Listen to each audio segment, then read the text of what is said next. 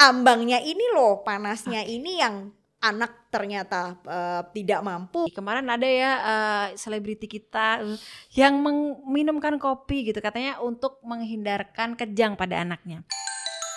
Moms, di hari ini kita mau bahas mengenai penanganan pertama kejang demam pada bayi. Aduh hmm. dokter, ya punya baby tuh dulu waktu anakku demam tuh rasa-rasanya tuh deg-degan terus. Hmm. Takutnya kejang dokter karena hmm. banyak sekali apa namanya ketika demam tuh terus kejang gitu. Hmm. Nah sebenarnya eh, resiko dari uh, kejang demam itu sendiri tuh apa sih dokter? Oke, ya jadi memang setiap bayi dan anak yang demam hmm. itu memang bisa berpotensi menjadi kejang pada okay. susu tertentu ya. Kalau memang kita bahas kejang demam, maka kejang yang disebabkan oleh demam. Okay. Nah, demamnya karena apa? Nah, itu kadang-kadang memang kalau kejang demam itu bukan berarti kelainan di dalam otak. Okay. Ya, namanya kejang demam berarti kelainannya itu harus ekstra kranial atau bahasa kedokterannya ekstra kranial di luar dari otak. Okay. Nah, kejang disebabkan oleh demam. Nah, hmm. sekarang demam suhu berapa? Biasanya demam yang pada suhu tertentu. Okay. Nah, ini karena ambang batas suhu anak tuh beda-beda. Ada yang suhunya 39 tetapi dia kuat-kuat iya. aja. Kuat-kuat aja. Ada yang 38,2 okay. gitu aja sudah kejang. Nah, itu yang memang variasi suhu ambang batas uh, anak beda-beda. Nah, itu yang memang harus kita waspadai. Nah, biasanya faktor risikonya adalah adanya uh, riwayat kejang demam dari orang salah satu atau kedua orang tuanya. Oke. Okay. Gitu gitu. Gitu. Jadi untuk kejang dem kejang demam sendiri ini masing-masing hmm. anak beda-beda ambang iya, batasnya. Betul. Ketahanannya, kekuatan hmm. tubuhnya itu beda-beda. Ada iya. yang kuat di 40 bisa masih aja fun-fun aja. Iya. Dan saya juga biasanya selalu nangin ya ke pasien Uh, kok bisa ya dok hmm. anak saya kejang demam. Nah okay. sakit apa ini kejang demam? Sebenarnya kalau boleh dibilang kejang demam tidak melulu penyakit. Okay. Contoh tumbuh gigi. Oh, ya, tubuh gigi dokter. kan panas nih, sampai tiga sembilan empat puluh.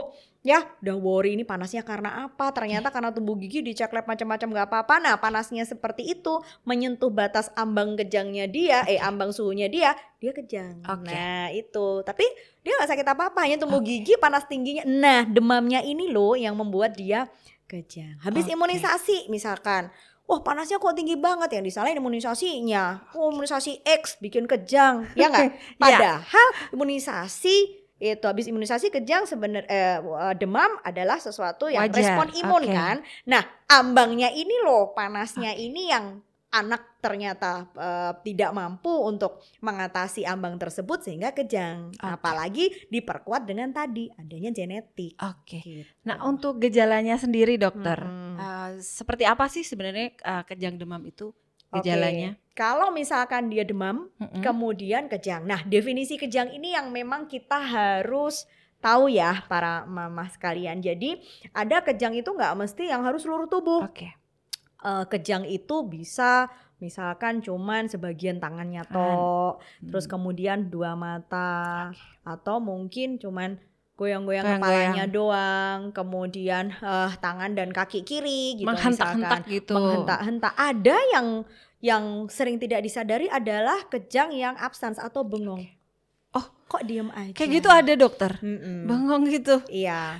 Atau yang gitu. Oh, ya, jadi, ngaget gitu. Ya, oh, kagetan seperti itu ya beberapa okay. kali. Nah, jadi tipe kejang itu macam-macam. Nah, itu yang harus kita observasi. Dan kalau memang seluruh tubuh itu artinya general ya, itu okay. prognosisnya biasanya loh ya, biasanya itu lebih baik daripada yang kejang vokal atau okay. sebagian. Seperti okay. itu. Untuk rentang usianya sendiri, dokter, mm -hmm. faktor resikonya pada usianya ber, usia berapa? Kalau kita bicara kejang demam, mm -hmm adalah usia 6 bulan plus minus 5 sampai 6 tahun. Okay. Ya. Nah, e, bukan berarti memang secara harfiah diartikan kalau di luar usia itu kejang terus gimana dok? Mm -hmm. Bisa jadi memang walaupun presentasinya sedikit kejang demam di usia misalkan 4 bulan, okay. 5 bulan misalkan. Bayi baru lahir bisa kejang? Bisa. Hanya kita Oke. tidak berpikir ses- hanya sesederhana kejang demam doang. Oke. Ya, tetapi kita harus mencari apa sih akar masalah yang menyebabkan si anak di bawah enam bulan ini Oke. kejang. Bisa Dan jadi ada penyebab sesuatu. penyebab sesuatu Iya. yang lain gitu dokter ya. Ya, demikian juga di atas 5 atau enam tahun harusnya kejang demam nih berhenti dong. Mm-mm. Ya, kata buku begitu gitu. Kita eh, googling begitu nih, cari referensi, tapi ternyata kok masih kejang. Nah, itu berpotensi mungkin ada sebab lain yang harus kita investigasi lebih lanjut gitu. Oke. Ya. Nah kalau tadi dokter apa namanya berulang gitu, Mm-mm. apakah kejang demam ini tuh eh, bisa memang bisa berulang di kemudian hari atau bisa kita cegah? Ya, sebenarnya kalau eh, kita pertama kali mendapatkan anak kita itu kejang, Mm-mm. Itu kita harus memperhatikan usianya berapa Oke. ya, karena onset pertama anak kejang itu menentukan eh, prognosis ya. Eh, misalkan loh kejang pertama kok usia 7 bulan dibanding dengan kejang pertama yang usia tiga tahun Mm-mm. otomatis kan beda ya. Karena apa? Karena kan pertumbuhan di seribu hari pertama kehidupan kan akan berbeda ya. Itu. Kemudian yang kedua suhu, Oke. suhu di mana anak itu kejang semakin rendah suhu. ah, terus eh, misalkan suhu di 379 Udah aja kejang gitu anaknya ya. udah kejang itu biasanya prognosisnya akan lebih buruk daripada Oke. suhunya dia tinggi banget baru Oke. kejang. Ya, Oke. itu rata ya. Walaupun itu harus kita investigasi lebih lanjut, periksa eh, mungkin rekam otak Oke. atau elektroensefalografi dan eh, cek faktor-faktor yang lain seperti itu, ya.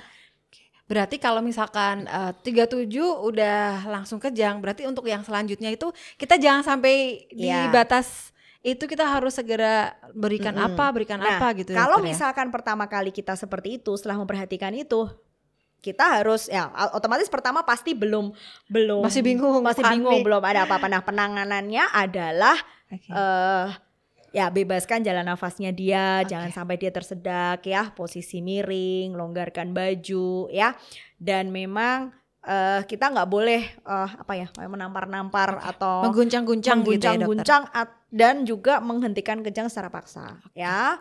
Kalau misalkan panik kalau misalkan suhu tubuhnya saat itu tinggi kompres hangat sambil bebaskan jalan nafas tunggu kejang selesai sambil eh, on the way harus dibawa ke klinik terdekat ya Oke, takutnya kejangnya jadi gitu. nggak berhenti berhenti karena Yes. setiap kali kejang itu adalah pasokan oksigen ke otak kan berkurang Oke. gitu Ah, ya berarti untuk kejang sendiri apakah eh, meningkatkan mortalitas dokter? Nah, tergantung ya. Kalau memang kejang demam sederhana itu dibagi dua. Ada kejang demam eh, kejang demam dibagi dua ya. Ada Mm-mm. kejang demam sederhana atau simplex dan kejang demam yang kompleks. Kalau Oke. simplex itu misalkan dia seluruh tubuh, kemudian sebentar kurang dari Oke. lima menit ya, kemudian saat suhu tinggi sekali dan sehari sekali. Oke, tidak Oke. berulang.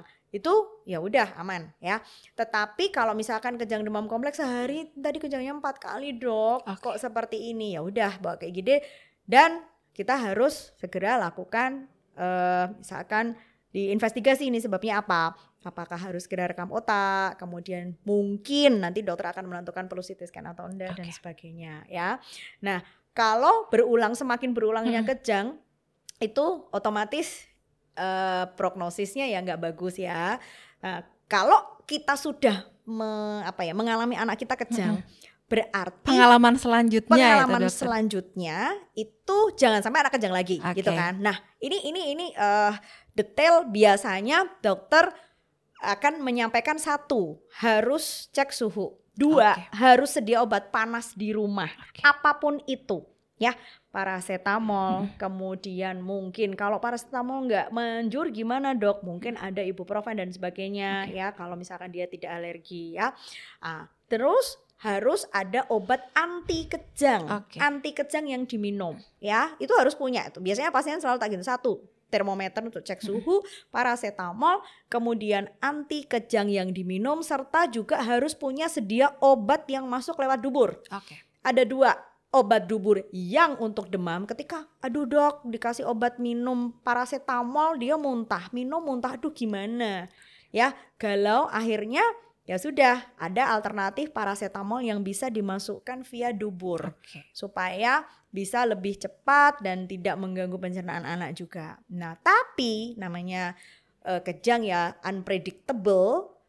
Wah kita sudah lagi usaha menurunkan si demamnya supaya tidak kejang, eh kok ya Tetap kejang. kejang. Nah harus sedia juga obat dubur yang untuk dimasukkan Oke. eh untuk obat ke, eh, Obat pengatasi kejang. kejang, yang dimasukkan via dubur. Oke. Berarti itu ini ya eh, sebagai starter pack-nya Ya, orang Kalau tua. seandainya orang tua paling tidak juga ya orang tua harus bisa mengatasi ya pertolongan pertamanya itu Yes. sebelum dibawa ke IGD kan. Mm-mm. Nah, supaya tidak berulang lagi. Dok, perasaan aku sudah gini suhunya Mm-mm. perasaan semelenget aja, Ya. cuman sumer, tetapi kok seperti ini. Nah, itu yang kadang menggalaukan. Nah, galau lagi gini, dulu Dok, anak saya ini demam itu eh 39 dia nggak apa-apa. Anak ini, Oke. anak saya. 40 oke waktu Oke. tumbuh gigi, Dok. Tetapi sekarang 37 Ya ampun, Sudah. 37,9, 38,2 Oke. lah kok kejang. Itu tadi ambang. Loh, tapi kan dulu anak saya nggak apa-apa, dulu Oke. mungkin fit. Oke. Sekarang ya ke- eh, pas kemudian kebetulan dia suhunya cuma segitu 37,9 tetapi imunitasnya mungkin pas turun akan bisa memicu melewati ambang batas kejang jadi kejang dia. Ambang Oke. batas suhu. Oke, berarti pastinya kita sebagai orang tua eh, mencegahnya adalah eh, menyediakan apa namanya obat-obatan penurun panas. Iya, itu tadi Itu harus. tadi. Ya, Mm-mm. jadi jangan sampai berkelanjutan pada eh, kejang berikutnya. berikutnya. Karena ada nggak sih dokter eh, apa namanya em, efek jangka panjang dari kejang yang terus-menerus berulang gitu? Oke, gini, tadi kita bahas kan kejang demam. Mm-mm. Ada satu lagi sebenarnya kejang tanpa demam. Oke. Jadi kalau kita bicara satu kata kejang, kita harus split jadi dua ya. Oke. Ada kejang disertai demam dan kejang tanpa demam. Nah, sebenarnya kalau kejang tanpa demam arahnya biasanya mungkin moms pernah mendengar epilepsi ya. Oke. Nah, kalau kejang demam ini biasanya nanti lima tahun tadi sesuai definisi 5-6 tahun dia hilang Oke. dan tidak mempengaruhi intelektual Yes. ya.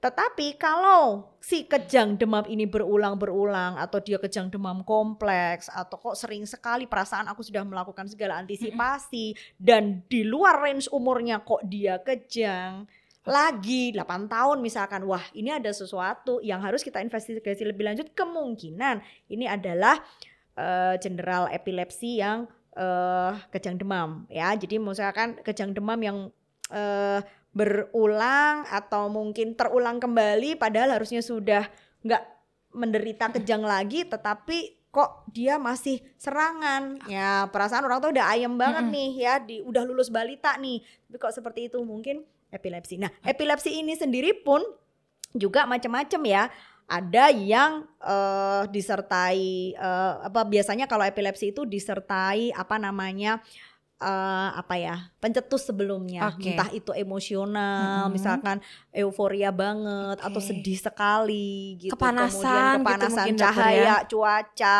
bisa menyebabkan sebagai Oke. pencetus terjadinya epilepsi Oke. ya tetapi eh, epilepsi pun tidak eh, apa ya berefek ke intelektual ya semuanya ada banyak epilepsi yang memang dia eh, bintang kelas gitu Oke. bagus tapi juga epilepsi yang jenis yang lain dia ada delay developmentnya Oke. gitu Jadi kalau untuk pengaruh terhadap uh, kecerdasan kognitif belum secara pasti gitu Iya, ya dokter ya. kecuali kalau misal makanya itulah kenapa eh, lepas dari pembahasan kejang demam kita kan harus selalu dong memantau tumbuh kembang anak Oke. kan. Kira-kira perkembangan anakku nih sesuai usia apa enggak gitu ya.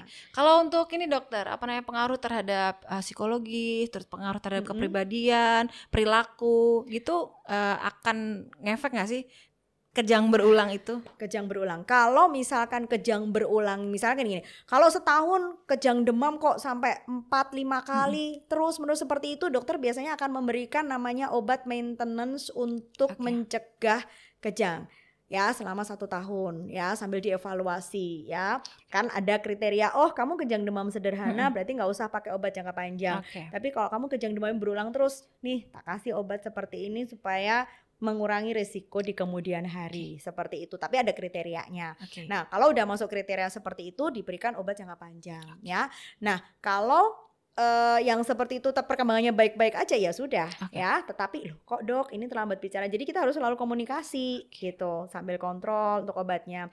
Nah kalau yang epilepsi Mm-mm. itu kita juga harus tadi ya apa jenis apa nih si epilepsi ya ditentukan dari elektroensefalografi ya sambil lihat di terapi respon terapinya seperti apa. Gangguan perilaku kalau misalkan si fokus epileptikusnya gelombang epilepsi di pas eh apa ya bagian otak yang mengatur pusat emosi misalkan otomatis dia pasti akan berpengaruh Oke. gitu. Jadi beda-beda dokter Iya, ya itu titik-titiknya. areanya.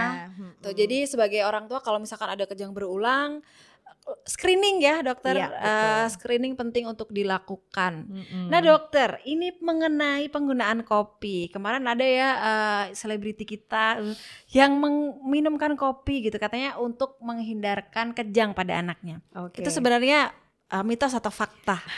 Mitos ya, Mams. Jadi memang kalau kopi itu tidak ada evidence base-nya atau memang bukti klinis untuk mencegah kejang pada anak ya. Jadi sebaiknya tidak dilakukan ya.